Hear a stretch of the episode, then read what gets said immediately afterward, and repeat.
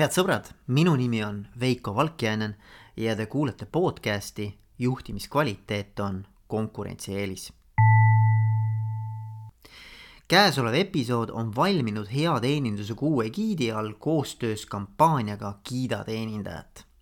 minu seekordseks vestluskaaslaseks on Põldmaa kaubanduse juht ja omanik Heinar Põldmaa Põldmaa Kaubandus on üle kahekümne kuue aastase ajalooga Eesti ettevõte, mis tegutseb jaekaubanduse valdkonnas terves Baltikumis. Eestis, Lätis, Leedus ja ka Poolas. tegemist on rahvusvaheliselt tuntud ja tunnustatud teksa ning rõiva kollektsioone pakkuvate brändide maaletoojaga, kes kahe tuhande neljateistkümnendal aastal tuli edukalt turule ka päris enda Denim Dream brändiga. ja mitte vähem olulisem Põldmaa kaubanduse poodides saad alati rõõmsameelse, hooliva ja personaalse teeninduse osaliseks. see ei ole pelgalt sõnakõlks. Põldmaa kaubanduse teenindajad on eelnevatel aastatel noppinud mitmeid kõrgeid kohti hea teeninduse kuu raames läbiviidaval parim teenindaja konkursil. Heinariga räägimegi nii tema enda äri kasvatamisest, juhiks olemisest kui ka teeninduskultuurist, mis üheks olulisemaks nurgakiviks äri edendamisel on olnud märts on hea teeninduse kuu. aita teenindajal hea olla ja ole positiivne. ja kui sa ei julge teenindajale häid sõnu otse öelda, siis kiida teda veebilehel heateenindus.ee. kiida teenindajat, sest märts on ju hea teeninduse kuu märts on hea teeninduse kuu juba kaheksateistkümnendat aastat. praegusel keerulisel ajal on heale teenindusele ja teenindajatele erilise tähelepanu osutamine äärmiselt oluline. kuna teenindajatega otsesuhtlus on piiratud, siis mõelge teile head teeninduskogemust pakkunud teenindajatele ja tunnustage ning kiitke neid, kirjutades www.heateenindus.ee kaldkriips kiidame. veel kord www.heateenindus.ee kaldkriips kiidame, aitäh teile head kuulamist. tere, Einar. tere. kõigepealt aitäh sulle, et sa võtsid selle aja, et said minuga kokku ja, ja oled nõus minuga mõtteid põrgatama juhtimise ja teeninduse ja, ja üldse äh, oma ettevõtte arendamise teemal. suur tänu kutsumast ja mul on alati hea meel vestelda kellegiga, kes on nagu huvitatud samadest asjadest minagi, mul hakkab kohe kuidas öelda, aju hakkab tööle ja ma hakkan otsima lahendusi, ma lähen nagu uuele käigule ja ma olen väga õnnelik, et kui on inimesed, kes suudavad mind sinna käivitada ja, ja väga tore on kindlasti seda kõike kogeda. hästi äge ja, ja ma mõtlengi, et esimene nagu küsimus, mida ma sinult tahtsin küsida, et, et ei ole palju selliseid äh, nii pikaajalisi ettevõtteid, no on küll, aga ma arvan, Eestis liiga palju neid ei ole, eks ole, kes on äh, siin kakskümmend viis pluss, kakskümmend, ma ei teagi, mis see on, kakskümmend kuus aastat, kakskümmend seitse aastat ähm,. toimetanud ja, ja sina omaniku ja tegevjuhina ju käed äh, kogu aeg mullas sellega toimetanud, et. et mis mind nagu väga huvitab, on see, et, et kuidas sa seda arengut, ettevõtte arengut, iseenda arengut juhina, kuid kuidas sa oled nagu suutnud seda ambitsiooni üleval hoida, kuidas see arenenud on üldse? ta kõik on orgaaniliselt olnud ja ta on nagu lähtunud mu iseenda sisemusest ja nendest soovidest ja unistustest. et juba lapsepõlvest saadik ma olen kogu aeg unistanud, ma mäletan seda, oli kunagi Tallinna või Tartu Kalevi ja Tallinna Kalevi korvpalli Eh, koondise võistlused ja, ja, ja ma huvitaval kombel pole kunagi tahtnud olla mängijana ennast unistada, aga ma olen kogu aeg unistanud, ma olen treener, et ma organiseerin kuidagi selle, selle meeskonna edu ja. ja, ja, ja need, need unistused on kogu aeg edasi viinud ja kogu aeg edasi liikunud. Ehm, ja, ja sealt edasi on need eesmärgid, siis peale unistusi tulevad ju eesmärgid ja, ja tegelikult ju need unistused tihti hakkad ära unustama ja ka eesmärgid kaovad ära, aga et siis lõpuks asjad saaks tehtud ja unistused eesmärgid ellu viia on, on kohustused. ja, ja, ja vot see igapäevane kohustuste täitmine. E, et sa iga päev tõused hommikul ülesse, lähed tööle, kui sul tööl on meeldivad, toredad inimesed, nagu meil on, sa lähed rõõmuga, hakkad oma kohustusi täitma ja, ja kui sa neid täidad pidevalt, siis hakkavad ka need eesmärgid saavutama ja lõppkokkuvõttes on võimalik oma unistused siis ellu viia. eks, kui sa alustad näiteks selle tasemega, et sul on üks kauplus või avad kauplust, eks. järgmine tase on see, kus sul on neli kauplust. siis järgmine tase on see, kus sul on näiteks juba viisteist kauplust, siis on see, et sul on juba äh, kaks riiki, siis on see, kus sul on juba neli riiki see on see, kus sul on juba sada inimest või, või kolmsada, et iga, et see on selline etapiviisiline mm. -hmm. ja see sõltub eh, sellest tavaliselt, et eks millal see etapp saabub. ehk sul on iga kord, sa pead nagu hakkama uusi lahendusi otsima. Et hakkama saada oma tööga, sest et, et ühe kaupluse juhtimine erineb väga palju sellest, mis on nelja kaupluse juhtimine ja mis on neljakümne kaupluse juhtimine, mis on üle saja kaupluse juhtimine. ehk siin iga kord sa kasvad ja arened. aga sa ei saa neid etappe üle minna, sa pead eelnevalt hakkama saama selle ühe kauplusega mm. -hmm. kui sa sellest oled hakkama saanud, siis sul tekib see piirkonna tase, siis järgmine on sul juba siis veel ja niimoodi kogu aeg läheb. et eh, see käibki nii normaalne loomuliku arengu tee pidi käib see mm, -hmm. see, see. et, et ei olegi olnud nagu, et nüüd ühe korraga kõike muutuks, vaid, vaid see on sihuke pidev areng, aga mingi hetkel sa pead täiesti uue, uued lahendused leidma. siis saad jälle teatud olla. See on nagu, nagu kas ütelda trepiaste on nagu vähe, aga võib-olla see on niisugune nagu nagu kui sinna Kleeni lossi minna, seal on viis astet, siis tuleb järgmine platoo, viis astet, järgmine platoo. vot, et, et selle järgmise platooni jõuda, sa pead selle viis astet ära tegema ja siis sa jõuad järgmise platooni, niimoodi kogu aeg sa liigud kogu aeg sinna sinna ülespoole vahepeal peale allapoole tulema ja jälle meelde tuletama, aga, aga selliselt see nagu toimub ja siis ei ole, ei ole raske. aga, aga üks huvitav asi on see, ma just ükskord mõtlesin selle peale, et et kui seda ühte kauplust juhtisin mm, -hmm. siis min-, siis oli see raskem kui praegu sada kahtekümmet kauplust juhtida. väga huvitav sellepärast, et, et seal sa ei osanud, mitte midagi ei osanud teha, näiteks kasvõi seda, et, et kui sul, okay,, siis vist juba neli kauplust oli, aga kui sul töötaja ütleb, et sorry, aga ma ei tee seda, mis sa palud tal teha, siis mida siis teha nagu või noh, muidugi mul olin eelnevalt olin ka juba.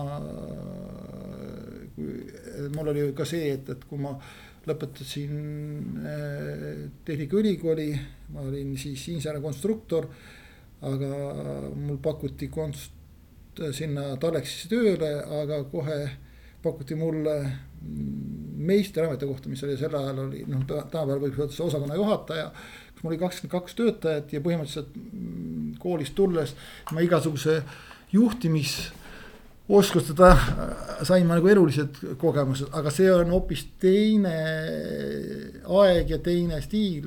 kui, kui sul on oma kauplus ja kus sa kogu seda maailma jälle uuesti hakkad tegema, aga.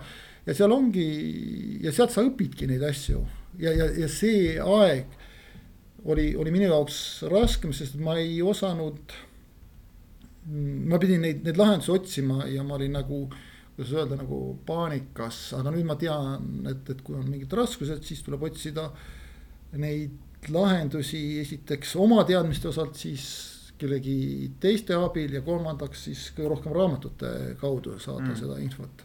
mida, kuidas siis ellu viia neid, põhimõtteliselt on ikkagi kogu aeg on ju tegelikult takistus sul ees, et nendest takistustest üle saada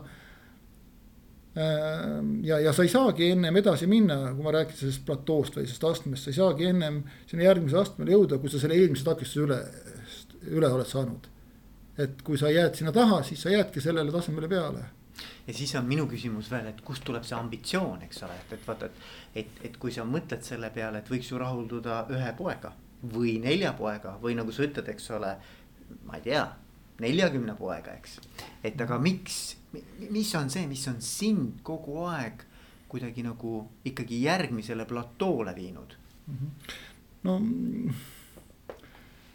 see on kaasasündinud, lihtsalt see, see soov investeerida tulevikku peab olema sul kaasas, sest et ega kui sa ei saa ju kogu aeg ennast nagu hoida tagasi, kui sa tahad näiteks selle raha kõik ära kulutada, mis sa kasumiks saad. või see on nagu selline kõige lihtsam kommikatse. et kas sa siis selle sööd selle kommi ära ja jäädki või, või sa siis ikkagi investeerid selle järgmise tasandil ja see on tegelikult ju on tehtud uuring, et see on juba ju väiksel lastel on see ju ja. geneetiline. ehk kui see soov just sinna tulevikku investeerida, ma ei usu, et ma oleksin nüüd töökam või, või, või distsiplineeritum, mul lihtsalt on nagu soov kasvada ja areneda lihtsalt äh, lihtsalt see on kogu aeg olnud ja, ja, ja, ja vahel noh, nagu kasvõi praegustes olukorras on see. sa oled nagu, nagu vanglas oled, sa ei saa midagi teha äh, arengu seisukohast.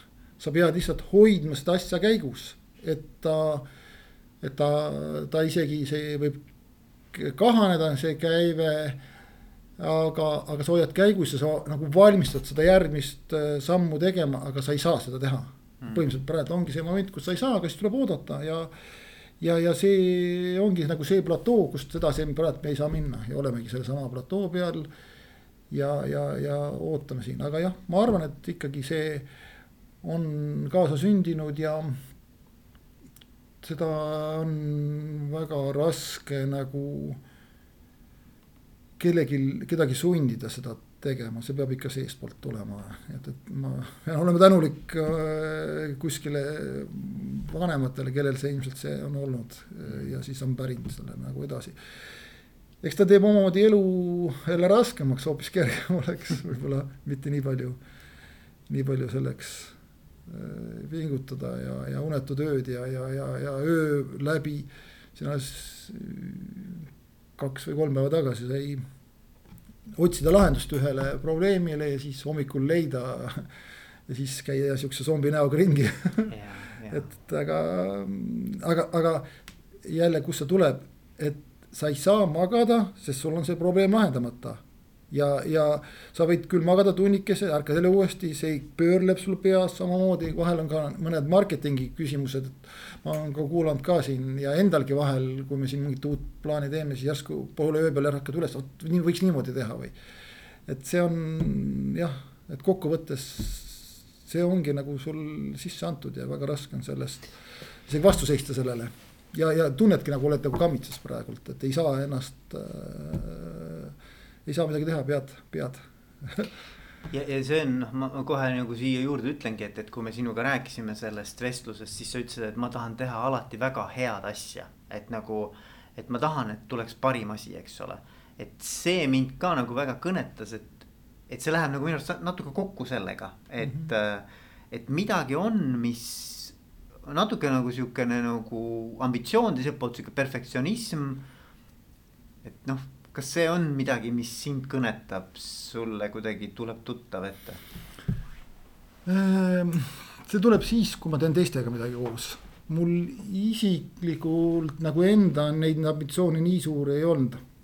kasvõi koolis ma olin tubli keskmine õpilane nii ja sain igalt poolt nagu läbi, aga et olla nüüd parimate seas, seda ma ei ole olnud ja, ja ka alustasin selle, ütleme niimoodi, ettevõtlusega siis esimesed viis aastat või oot, mis võis olla kaheksakümmend seitse vist oli või kaheksakümmend kaheksa oli esimesed siuksed ähm, ametlikud ettevõtluse vormid, ehk siis sel ajal olid need äh, niinimetatud patenditöö ja pärast seda siis sihukene, päris kooperatiiv ei olnudki, see oli patenditöö ja siis tuli juba, juba, juba ettevõte aga algul oli nagu ühest isikust ehk endast äh, ja ja, ja, ja siis ei olnud seda, aga see tuli siis, kui sul on nagu inimesed, kellest sa pead vastutama, kui sul on olemas tiim, kellega koos midagi teha, mind käivitab just see, et ühiselt midagi otsida, lahendusi ja see käivitab.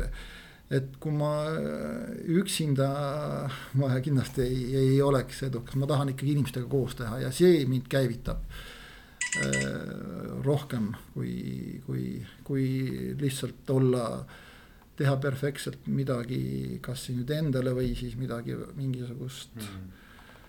Lii-, midagi sihukest väikseid nokitsemisi, seal ma ei ole kindlasti perfektsionist. ja nüüd me, eks jõuamegi natuke sinna ka, et, et äh, see valdkond on kaubandus, teenindus, müük, eks mm. -hmm. Noh, mitte ainult jaemüük, aga nüüd ka siis hulgimüük, eks ju. Ehm, et. ka tootmine. ka tootmine, eks ole ka vahendus, ka te, ütleme jah, ütleme, see on e-kaubandus väga suur, see on, see on komp-, kompleks on nagu põhimõtteliselt see ei ole ka isegi kompleks, võiks öelda niimoodi, et me püüame nagu kõiki võimalusi ära kasutada sellel alaga, mis me tegeleme, et me ei lähe päris kõrvale. Aga noh, alates kasvõi see kontor, kus me oleme, on ju meie poolt. alates sellest, et sai seal oksjonil osaletud, krundi ostetud ja siis valmis ehitatud ja nüüd uus kontor, mida me siis valmistame ette ehituseks oleme jälle nagu ootevalmis nagu, et ei saa hakata, kuna ei ole kindel, et meil kassavoogu või rahavoogu selleks on, siis me oleme lihtsalt ootevalmis. et jah, selle, selle. nii et põhimõtteliselt, et tegelikult see on selline orgaaniliselt kasvanud, eks ole, nagu ja. äritegevus ja ja mis ma just nagu tahan rõhutada, on see teeninduse pool, et, täna on märts, eks ju, märts mhm. on hea teeninduse kuu, me teame meil käib kampaania Kiida teenindajat, kuigi noh, keeruline, eks ole, täna, täna me teame, et nagu see kogu see äh, jaekaubandus on ikkagi keerulises seisus, nagu sa ise ka ütlesid. aga ikkagi, et, et millist rolli sina teeninduskvaliteedil näed kogu teie edus? Ma arvan, see on üks aluseid. see on, see on see, et me soovime ju klienti teha rõõmsaks ja õnnelikuks või et see ei ole ka minu idee, vaid see ikkagi see, et teha klient rõõmsaks, on tulnud meie oma töötajate seas ja. ja, ja eks see on all, alates sellest esimesest kauplusest, kus, kus ma ise olin siis müüjana. ja, ja ma arvan, et ja see on ka see, et me valime inimesi, kes soovivad teisi kas aidata või, või, või teha neid rõõmsamaks, ehk nad soovivad, et, et et nad oleksid, nad on nagu meeldivad äh, kliendile ja me valime inimesi, kes on meeldivad kliendile, et mitte mitte ei ole niivõrd tähtis just see, kui palju sa nüüd müüd, vaid kuidas sa seda müüd, et, et, et, et teha, luua selline hea õhkkond omavahel. Ja, ja sellepärast meil see esimene valiku kriteerium, töötajate valiku kriteerium on see, et ta oleks meeldiv, sõbralik inimene, see on, see on see, mis on see esimene, teine oleks siis see, et. et ta suudaks luua sihukese hea õhkkonna kliendile, et tal oleks tore nagu, et suudaks vestlust üleval pidada, need kaks. Need on need, milles, milles hakkab, mis on, milles on alus mm.. et kui sa ei ole meeldivsõbralik inimene, siis, siis sa ei saa seda muuta, kõike muud saad sa teha, aga seda lihtsalt ei ole võimalik, ka vestlust üleval pidada on võimalik õpetada. aga, aga kui sul ei ole seda sisemist soovi teist aidata, teist teenindada, teisele teha rõõmu, siis ei ole, sealt edasi ei, ei olegi midagi võimalik teha.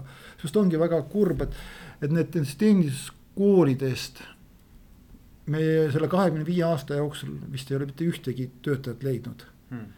Ja mis see põhjus on, sest ega seal ju ei valita ju õppima inimesi äh, selle iseloomu järgi, vaid seal lihtsalt võetakse kõik, kes soovivad ja õpetatakse neile tehnikaid, aga meie valime inimesi iseloomu järgi, ehk kes siis on nagu valmis ja soovivad olla kliendiga koos ja neid aidata. see on hästi huvitav jah, sest ma olen ise kunagi väga palju uurinud, Southwestern Airlines on sihukene lennufirma mm. -hmm ma vaatan, et sa nagu naeratad. ja mul tuleb meelde see, see juht on seal väga karismaatiline isik. ja, ja, ja, ja kuidas nemad valivad endale eh, lennu äkki siis teeninduspersonali, noh, stjuardid ja stjuardessid. ja, ja nad ütlesid niimoodi, et nad valivad selle järgi, et inimene peaks olema oma loomulikus olekus. ja et kuidas ta nagu siis suhtleb nende võõraste inimestega, et ta ei pea isegi mingitele standarditele vastama, aga ta peab neid kuidagi käsitlema kui nagu, nagu sõbrad oleksid külla tulnud. et, et sa võid isegi natukene nagu kiiksuga olla, aga see peab tekitama inimestes sellise sooja ja, ja siukse nagu ähm, noh, welcome tunde vaata mm. -hmm et, et see oli nagu huvitav, et ma mõtlesin, et noh, et, et, et teenindus võiksid olla väga siuksed kindlad protokollid, eks ole, et sa pead nagu juhiste järgi asju tegema. aga mind just nagu äh, väga kõnetas see, et, et võetakse inimesi, kes tunnevad ennast äh, noh, nii-öelda nagu, et nad avanevad just teiste inimestega koos mm. -hmm ja ma, oleme seda mõelnud ja arutanud näiteks, võtta selline analoog äh, kui klient on, on sõber, kes tuleb külla, kujuta ette, et sa oled kodus ja, ja keegi on ukse taga, annab kella või on uks on näiteks lahti ja ta on ukse juures ja sina oled seal, tegeled oma noh, naisterahvad võib-olla seal koristavad või sätivad ja sa ei pööra tähelepanegi, et sõber on ukse taga.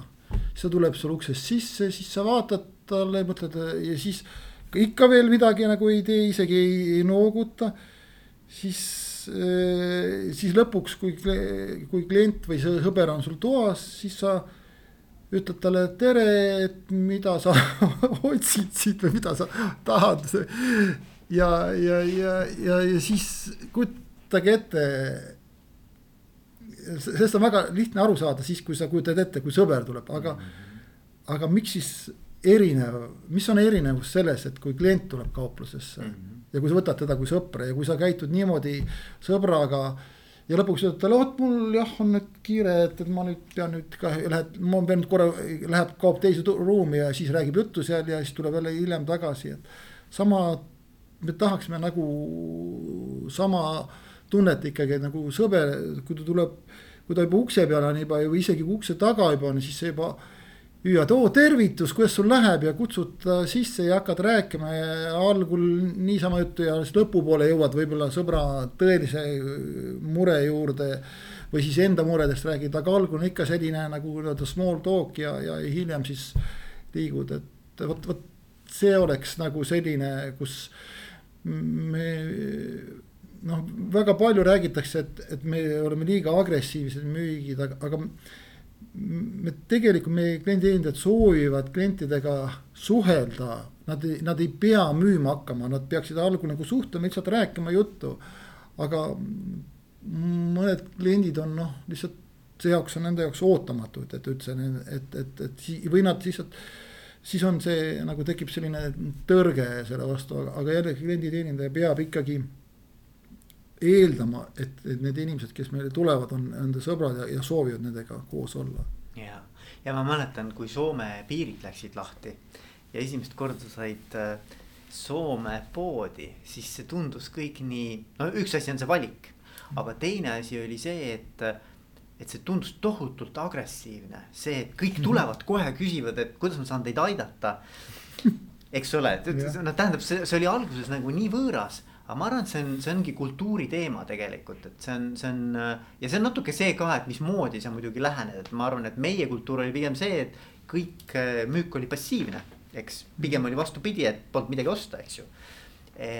aga, aga siis oli nagu hästi sihuke polariseeritud nägemus, et noh, kohe sihuke väga äh, proaktiivne lähenemine, aga, aga noh, mina küll ütleks pigem niimoodi, et kui ma tahan ise vaadata ja müüja või teenindaja eh, pakub oma abi ja mul ei ole seda vaja, siis ma lihtsalt ütlen, et aitäh, et ma vaatan ringi ja et kui mul on vaja, siis ma tulen. Ja see on minu arust väga okei. Okay.. ja vot siin on, ma mäletan isegi, kui ma käisin välismaal, ma mäletan eluaeg on meeles, kui ma Norras käisin, me käisime Norrast kaupa toomas, see oli üheksakümnendate lõpupoole ja, ja, ja, ja siis ma kõndisin seal Norra peatänaval ja siis seal kohvikud oli, seal oli ääres oli kohvikud ja ühed daamid seal istusid, jõid kohvi ja sõid seda ja ma teadsin, et kohvi hind oli siis sel ajal. meie rahas oli nii ulmeline summa. et ma mäletan, et, et see oli vist siis sada krooni oli vist hamburger ja kohvi oli umbes sama hinnaklassis. ma vaatasin seda koos abiga käisin, mõtlesin, et millal küll, kas kunagi tuleb sihuke aeg, et ma võin ka istuda kohvikesse, juua kohvi, nii kallist kohvi. isegi hamburgerit ei, ei, ei raatsinud osta, sest meil oli oma toidud kaasas, et. et ja ma mäletan, kui ma siis sain ka kauplustes käia ega ma ei saanud ju endale ju lubada, et ma ostan midagi ja, ja, ja, ja, ja siis oli väga ebamugav, kui see klienditeenindaja tuli ja, ja midagi küsis, eks su käest, sest et sa tegelikult noh, tulid ainult vaatama yeah., mitte ostma. Ja, ja, ja, ja tihti praegu ma usun, et meil on kõik meie kliendid juba saaksid seda osta, aga ta lihtsalt see täna ei tahaks nagu osta ja siis ta tunneb ebamugavalt, et see nagu kohustus äh, osta, aga tegelikult ei ole seda kohustust, meie jaoks on tähtis see, et, et see klienditeenindaja loob sellise hea õhkkonna ja, ja, ja, ja, ja ja suhtleb, kas ja otsus, otsus, otsus on ikkagi puhtalt ikkagi kliendi enda teha, et seda ei tohi agressiivselt, aga, aga aga just see suhtlemise osa peab olema, sest et ega me ei ole ju ka selgeltnägijad, me saame aru, kas see inimene tahab lihtsalt kõndida ringi.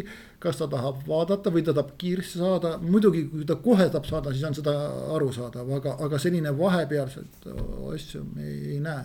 Mm. et, et seda, sellepärast peab peabki tulema klienditeenindaja, võtma sind kui sõpra ja suhtlema ja rääkima sinuga juttu. ja, ja, ja ma, ma, ma arvan, et eks see, ma arvan, see kultuur ongi pigem sinnapoole liikunud, et, et see on täiesti äh, hästi oodatud ka ma arvan, klientide poolt. ja ma arvan, et meie püsiklientide puhul kindlasti need, kes vahest harva satuvad, nende jaoks on see kindlasti võib-olla natukene liig äh, agressiivne. aga jah, ma midagi ei ole teha, natukene ta kipub küll niimoodi käest ära minema. aga, aga kui mina näiteks siin, siinsamas selles hoones, eks ole, all on, all on teil kauplus, outlet, eks ju. ma olen seal käinud eh,, olen sealt ostnud ja, ja mina pean ausalt ütlema, et ma ise neid teksaseid sealt poleks üles leidnud. ei, sealt on jah võimatu. et, et selles mõttes ma, ma nagu isegi ei kujuta ette, noh tegelikult kujutan küll, kui sa mhm. lappad nad kõik läbi, võib-olla sa leiad, eks ole. aga mulle endale tundus see niivõrd palju noh, nagu, nagu üks on mugavus, aga teine on see, et ma tõesti saan nagu arutleda ka, et millised sobivad, millised ei sobi mm. -hmm. et minu jaoks see oli väga, väga meeldiv. ja, sest et tegelikult eks see teksa müümine, me oleme ikkagi, me tahaksime, et kui klient kuuleb sellist sõna nagu denim dream, et see esimene mõte, teksad see tähendab teksad ja kui ta mõtleb, et tahaksin teksapükse, siis esimene mõte tal pähe tuleb, see on denim dream'ist saada ja nüüd Texa on alati olnud see kõige raskem või üks raskemaid äh, tooteid. ja ise leida endale teksapükse on väga raske, sest seal on erinevad mudeleid, erinevad lõiked, erinevad pikkused, erinevad suurused, erinevad kõik, kõik see maailm on niivõrd materjalid jah, kõik. et see on juba, kui me alustasime, siis meil oli, siis oli veel üldse see kultuur oli, Texases müüsid mehed, siis meil olid esimesed kolm-neli aastat meil ainult meesmüüjad olid ja, ja see oli siis, kui austusväärne töömeestel oli teksamüüja olla ikkagi. et ja jah, et nüüd on kõik see muutunud see aja jooksul, aga ma arvan, et ikkagi ei ole kerge leida endale ise teksapüksi ja, ja need moed muutuvad ka nii palju, et, et selle jaoks on vaja sellised hästi professionaalsed, hästi teadlikke, tublisid klienditeenindajaid. absoluutselt ja ma isegi tegin niimoodi, et et, et ma tulin juba ära kantud teksadega, mis mulle väga meeldisid, tulin mm -hmm. siia, et ma tahan täpselt neid samu. no okei okay,, täpselt, täpselt samu enam ei olnud. aga see materjal oli selline nagu, mis mulle väga, miks ma ütlesin, mulle materjal oluline. See oli nagu sihukene paks pehme materjal ja, ja mulle leiti analoogse materjaliga teksad, mis oli nagu väga oluline mm. -hmm. et selles mõttes nagu on hästi-hästi, no vaata, igal inimesel on oma kiiks, eks ole, mis talle nagu oluline on, eks. jah, loomulikult aga okei okay,, et äh, ma tean seda, et te olete noppinud neid äh, parima teenindaja mm, hinnalisi nii-öelda kohti aastate jooksul ikka, ikka, ikka kohe päris palju. et äh, mõtlen, mis see nagu sinu jaoks tähendab, et, et te sel konkursil nagu olete edukad olnud ja, ja, ja et kuidas te seda olete. no ikkagi, kuidas te seda suutnud olete, mis te teinud selleks olete mina ise ei ole midagi teinud, seda on ikka meie tublid eh, töötajad ja, ja klienditeenindajad seda teinud. mis minu poolt on see, et ma alati julgustan ja soovitan osaleda selles. Eh, eh, see on üks, teine on ikkagi kogu, et see näib natukene lihtne küll olevat Äh, see klienditeenindus, aga tegelikult on see ikkagi üks tohutu suur süsteem. kuidas siis ähm, arendada ühte potentsiaalset head klienditeenindajat. ehk ma, nagu me alustus, rääkisime seda, et, et ta peab olema teatud potentsiaal, ta peab olema, ehk ta peab olema meeldiv, sõbralik, ta peab olema, suutma vestlust üleval pidada et, et arendada vot sellisest potentsiaalsest äh, inimesest selline suurepärane klienditeenindaja, vot selleks on kogu see süsteem, selleks on meil suurepärased kaupluse juhatajad, piirkonnajuhid persona, personalijuhid, kes siis valivad piirkonnajuhid, kes siis ja kaupluse juhatajad, kes siis kasvatavad ja teenindusjuht, kes siis koolitab neid, meil on, toimuvad äh, keelekoolitused nii eesti, vene, soome keelt oleme ka koolitanud mingil määral, aga, aga vene keele koolitused käivad meil pidevalt. Äh, siis on meil alustajate koolitused, siis on edasijõudnute koolitused, nüüd meil tulevad kaupluste juhatajate esimese taseme koolitus, teise taseme, kolme taseme. et see on tegelikult terve süsteem, mis siis ja pluss veel kõik need ettevõtte, ettevõtte kultuur ja kõik see, see on tegelikult see on see suur süsteem, mida ei ole nii lihtne nagu ütleme kopeerida, seda on vaja ikkagi, selle peale peab väga palju tööd tegema ja, ja, ja selle jaoks ongi meil väga tublid inimesed mm. -hmm. ja vaatasin ka, et nende väärtuste all oli teil ühe väärtusena pandud, et kui ma nüüd täpselt sõna-sõnalt ei mäleta, aga, aga et teenindaja või teeninduse tulemus võiks olla siis selline nagu ähm, ma ei tea, kas siis naeratav klient või ma ei mäleta kuidagi. rõõmus, rõõmsam, rõõmsam, me, meie eesmärk on see, et kui klient tuleb kauplusesse et ta lahkus kauplusest rõõmsamana, kui ta tuli. okei okay isegi kui tal on, kui ta on, ta on, ta on väga pahane, siis kui ta on vähem pahane, on ka juba suurepärane tulemus. arusaadav jah, vaata ma olen kunagi sellise ettevõttega kokku puutunud nagu Olympic Casino. ja seal oli üks huvitav asi ja ma arvan, et see oli nagu üks, üks geniaalsemaid asju, mis seal päriselt toimis. oli see, et saali teenindajatel oli eesmärk koguda klientide naeratusi Nad hmm, päriselt kogusid neid nagu, nagu, nagu seal oli oma süsteem, vaata kasiinodes on džipid, eks ju mm, -hmm. nii-öelda. ja, ja nad ise tegid sellise eh, nii-öelda siis äh, lugemissüsteemi, kuidas nad ise määratlesid ära ka, et need, et kui palju ma siis olen oma vahetusega äh, neid naeratusi kogunud ja neil oli seina peal veel igalühel siis nagu sihuke tabliitsa, kus olid need naeratused kirjas.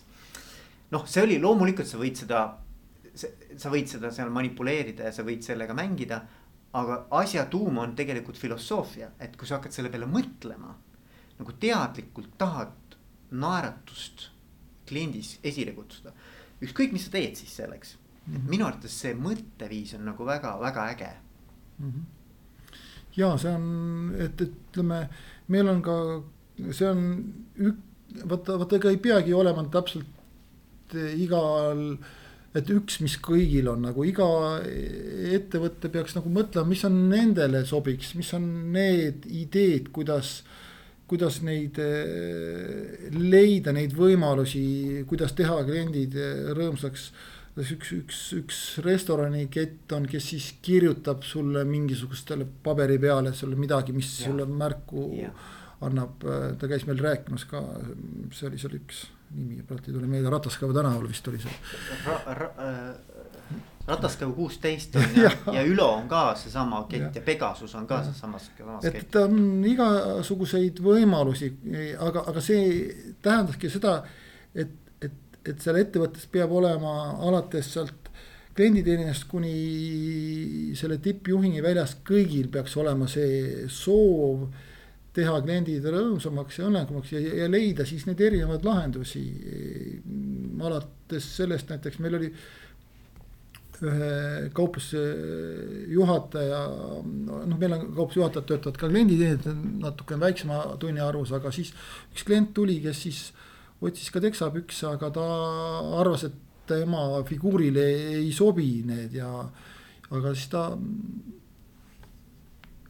lohutas ja, ja, ja, ja, ja, ja koos nad leidsid need teksapüksid ja see klient oli nii õnnelik, et ta vahepeal lausa puhkas nutma ja et, et te leidsite selle, ta oli nii õnnelik, kui ta lõpuks siis leidis ja.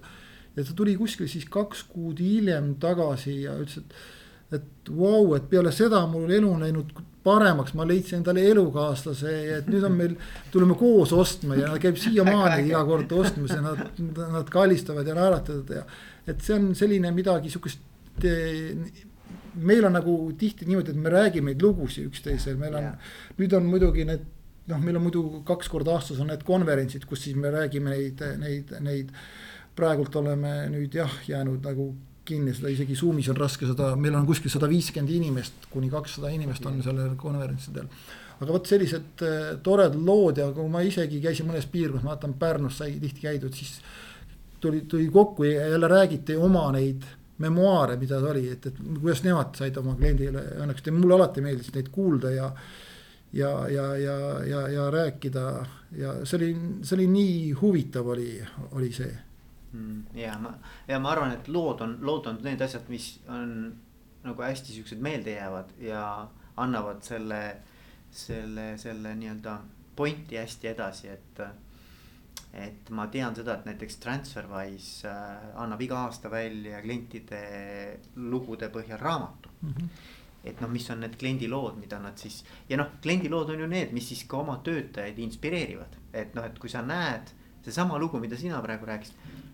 Ma arvan, et see inspireerib neid teenindajaid äh, paremat äh, teenust pakkuma, sest et ta näeb, et sellest muutub kellegi elukvaliteet, eks ole mm. -hmm. et see on minu arvates väga kihvt ja, ja et see on, see on see, kui nad, kui see loomingu, loomingulisus avaldub inimestes siis, kui sul on nagu soov midagi teha.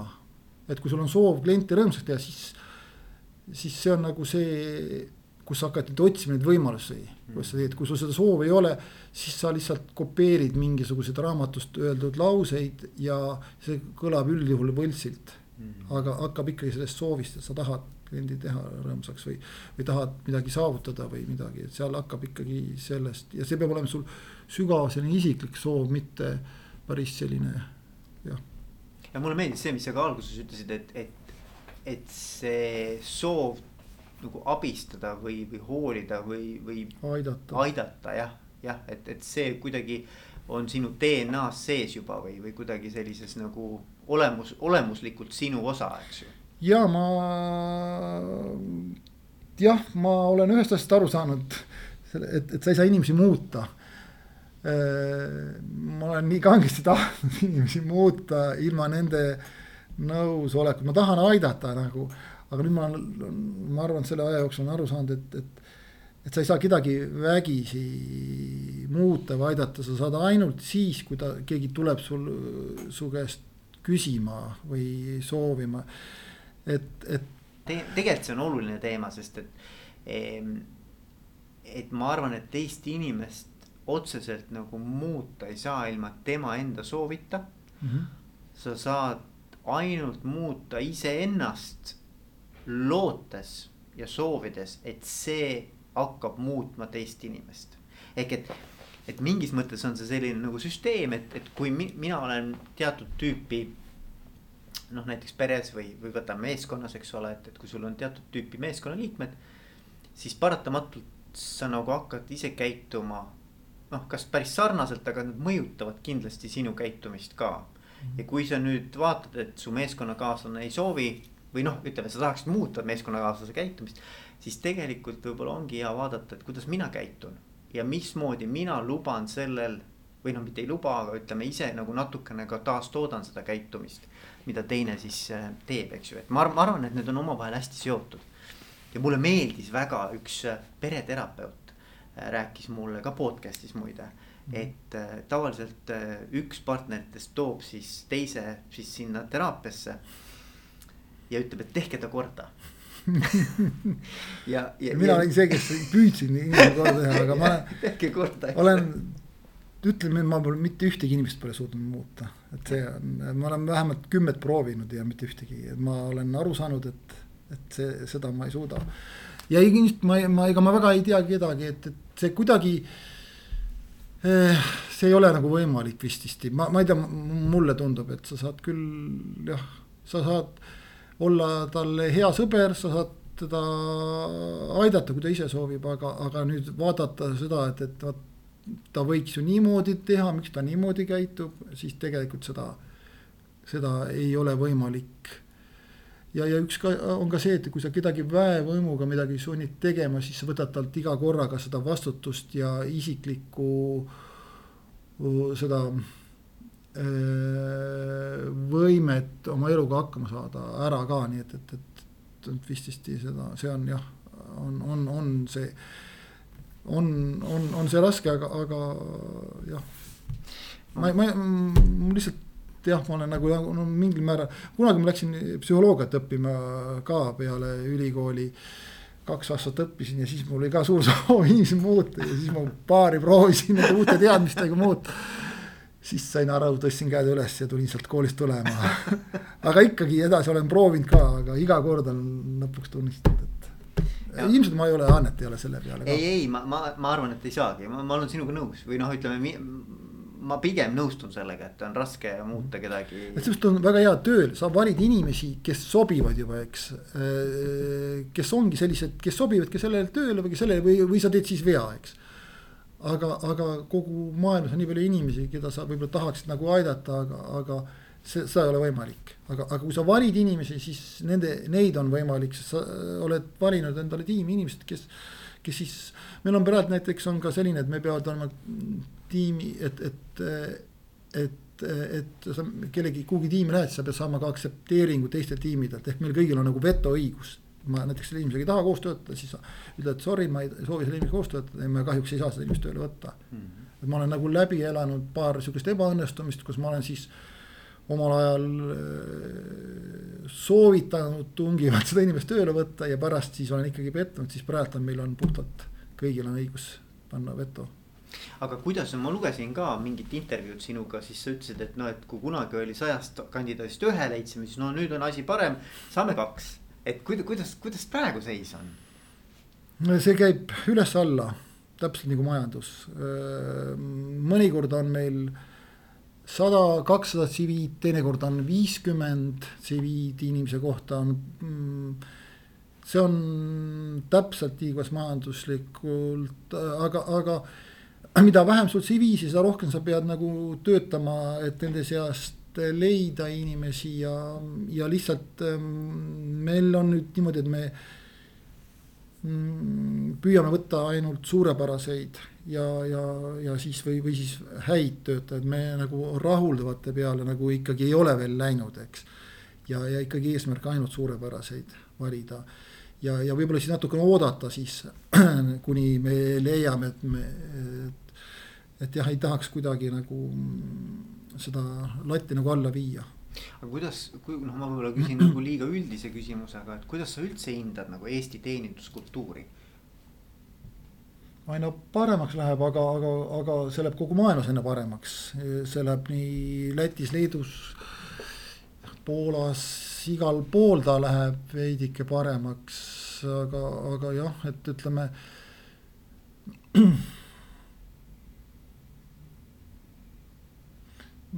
just viimased aastad minu arust Eestis on väga palju paremaks läinud, et ja, ja see keskmine tase on ikkagi väga palju tõusnud. et kui, kui me võib-olla siin viis aastat tagasi olime paljude asjades olime nagu eh, olime täitsa nagu teerajajad siin võib-olla noh, võib-olla rohkem kui viis, kümme, siis praegult ma arvan, et, et sellise keskmise taseme poolest on kõik juba väga-väga head, et, et siin on juba nüüd on küsimus on just selles juba, juba selles professionaalsumas pooles, et. et kõik tervitavad, kõik nagu üldjuhul ikkagi kõik on ikkagi väga toredad ja meeldivad teenindajad on ja, ja ei ole ka enam. ka toidupoodides, kassades, ka seal on, ma ei ole halba teenindust ikka juba võib-olla isegi aastad enam kuskil Eestis saanud, võib-olla on, aga lihtsalt ma olen siukene.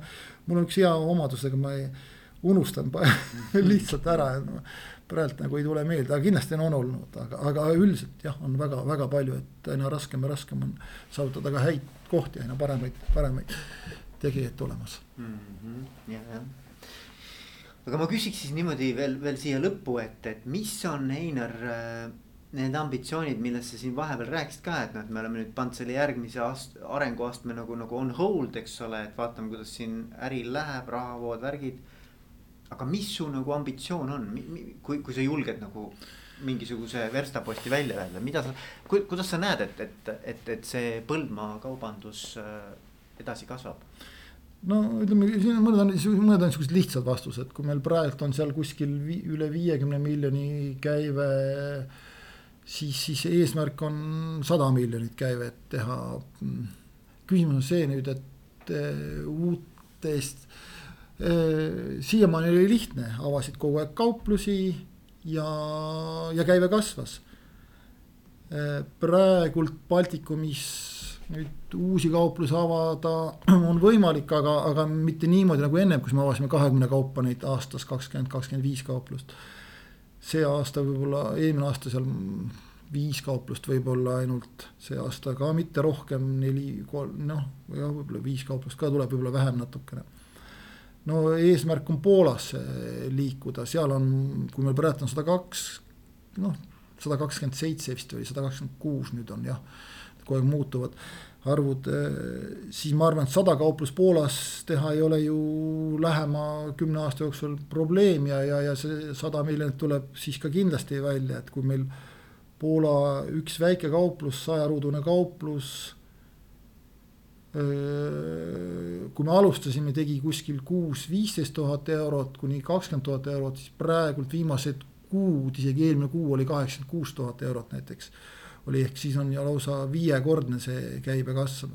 ja seal on ja ütleme niimoodi, et kui Poolas on tõesti see teeninduse tase ikka väga erinev, siis ma ütlen, et seal peale seda, kui meil tuli suurepärane kaupluse juhataja, siis peale seda on see käive niimoodi kahekordistunud aastatega lausa. et see, et seal on nagu oleks võimalik küll kasvada, aga sama on jälle see see bürokraatia on seal ikkagi metsik, ma mäletan, et, et kui ma selle avasin, seal kuskil viis aastat tagasi tegin selle ettevõtte, siis ma pidin kirjutama. no kas nüüd sajale, aga umbes saja, sajale dokumendi allkirja alates pankades, igasugustes asutustes ja lõpuks ma olin kohtuniku juures ja kohtunik andis viimase paberi. kus oli kirjas, et, et kui te nüüd siin kuskil nendel, nendel sajal punktil olete midagi valetanud, siis on teil kaks aastat vanglakaristust ja pidin selle alla kirjutama, siis ma sain selle ettevõtte ära vormistatud. et see, mida allapoole liigud sinna, seda bürokraatlikumaks see läheb, noh teistpidi jälle väiksem jälle konkurents on nii et, et nii ja naa on see, see, see asi, aga ütleme, seal on need võimalused. Poola e-kaubandus eelmine aasta kasvas kaheksakümmend kaheksa protsenti sellest siis Lätis vist sada kümme protsenti ja Leedus vist üheksakümmend protsenti. et see on kindlasti võimalik, et nüüd me ava, avame sel aastal Soome, Soome on avatud, siis tuleb meil Poola ja noh, Euroopa meil niikuinii, aga me peame ikkagi riik riigi alla, sest me peame ka investeerima sinna klienditeenindusse ja, ja keelearendusse ja kõigesse, nii et, et, et see on üks võimalus selle ja, ja mis ja, ja eks siin tuleb veel otsida neid võimalusi, aga, aga nad on kõik asjad on nagu, nagu ma siin ütlesin ka, et on nagu ootel. Mm.. et see nõuab ikkagi investeeringuid ja, ja kui sul ikkagi, kui sul ikkagi käive ikkagi nagu eelmine aasta, kui oli jah, ütleme, kui sul ikkagi käive võib sul null on sul terve kuu aega näiteks, et siis siis on raske teha, ütleme ka selle viimase aasta jooksul pikemalt kui kuu aega sa ei saagi suuri otsuseid teha. ja, ja kui on veel selline olukord nagu praegult, eks ütleme siin sellel aastal alates veebruarist. kui, et siis sa ei saa isegi nädalast pikemalt ette teha neid otsuseid. et kui kunagi tehti plaane eesmärke seati kolme kuni, kuni seal kümne aasta, isegi kahekümne aasta perioodis, siis, siis viimasel ajal räägitakse nüüd juba ainult kolme aasta plaanidest, aga no, aga praeguses situatsioonis sa saad ainult. tänases situatsioonis sa saad ainult nädal aega ette, näiteks esmaspäeval me saame otsustada eh,. Mi, mismoodi me edasi teeme. et, et selles suhtes on, on nagu, aga, aga, aga sul peab olema usk et lõppkokkuvõttes läheb kõik hästi. ja kui sul seda ei ole, siis mingi hetkel sa loobud oma tegevustest, niikaua kui seda usku on, et, et sul tulevikus läheb hästi, nii kaua sa ka tegutsed. et, et peaasi, et seda mitte kaotada. ja, ja, ja, ja ma arvan, et kuna te olete toimetanud kakskümmend viis pluss aastat. ja üheksakümmend neli oli see esimene pood, mis me avasime. Nii et, et, et selles mõttes seda usku on ikkagi tohutult olnud.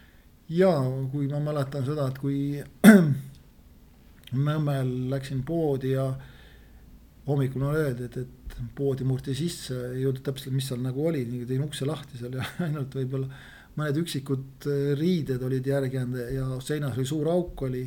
põhimõtteliselt kõik oli ära viidud, maja, kus oli siis vanemate maja oli panditud ja, ja siis oli ikkagi siis oli ikkagi väga-väga raske olukord. et aga, aga õnneks olime kindlustatud ja, ja õnneks siis kindlustus ka maksis meil selle välja, nii et me saime, jäime ellu, aga kui seda poleks olnud, siis olekski lõppenud see story, nagu öeldakse, et vahel peab ka õnne ka olema. aga ma soovin sulle, Einar kõike head, unistuste elluviimist ja, ja edu edaspidiseks. aitäh, samamoodi ka sulle, et sul kõik hästi läheks ja väga toredad blogid oleksid hästi populaarsed või vid-, kuidas sa ütlesid? Pod, ma ikka vanast ajast podcast'id jah ja,. podcast ja ma ise ma olen ka mõelnud, et vot mulle meeldis väga palju lugeda, aga eks aja jooksul silmanägemine enam nii hea ei ole ja see ei ole enam nii suur rõõm ma kuulan nüüd õhtuti väga palju podcast'e, väga palju ka neid äh, raadiosaateid seal, vanasti sai väga palju Hello Kosmos kuulatud, nüüd on, ma kuulan seda ööülikooli. ja siis üksikuid podcast'e tubli tegelikult nagu ka sinu poolt, et seal. see on, elu on tehtud mugavamaks ja, ja, ja, ja väga tore, et, et eesti keeles on, meil ei ole kahjuks ei ole võimalik audioraamatuid eestikeelseid eriti kuulata, aga need podcast'id aitavad meid väga palju ja soovin sulle edu, et, et, et jõudu ikka sellel, sellel teel. aitäh sulle. palun. märts on hea teeninduse kuu. aita teenindajal hea olla ja ole positiivne. ja kui sa ei julge teenindajale häid sõnu otse öelda, siis kiida teda veebilehel heateenindus.ee. kiida teenindajat, sest märts on ju hea teeninduse kuu märts on hea teeninduse kuu juba kaheksateistkümnendat aastat. praegusel keerulisel ajal on heale teenindusele ja teenindajatele erilise tähelepanu osutamine äärmiselt oluline. kuna teenindajatega otsesuhtlus on piiratud, siis mõelge teile head teeninduskogemust pakkunud teenindajatele ja tunnustage ning kiitke neid, kirjutades www.heateenindus.ee kaldkriips kiidame. veel kord www.heateenindus.ee kaldkriips kiidame, aitäh teile!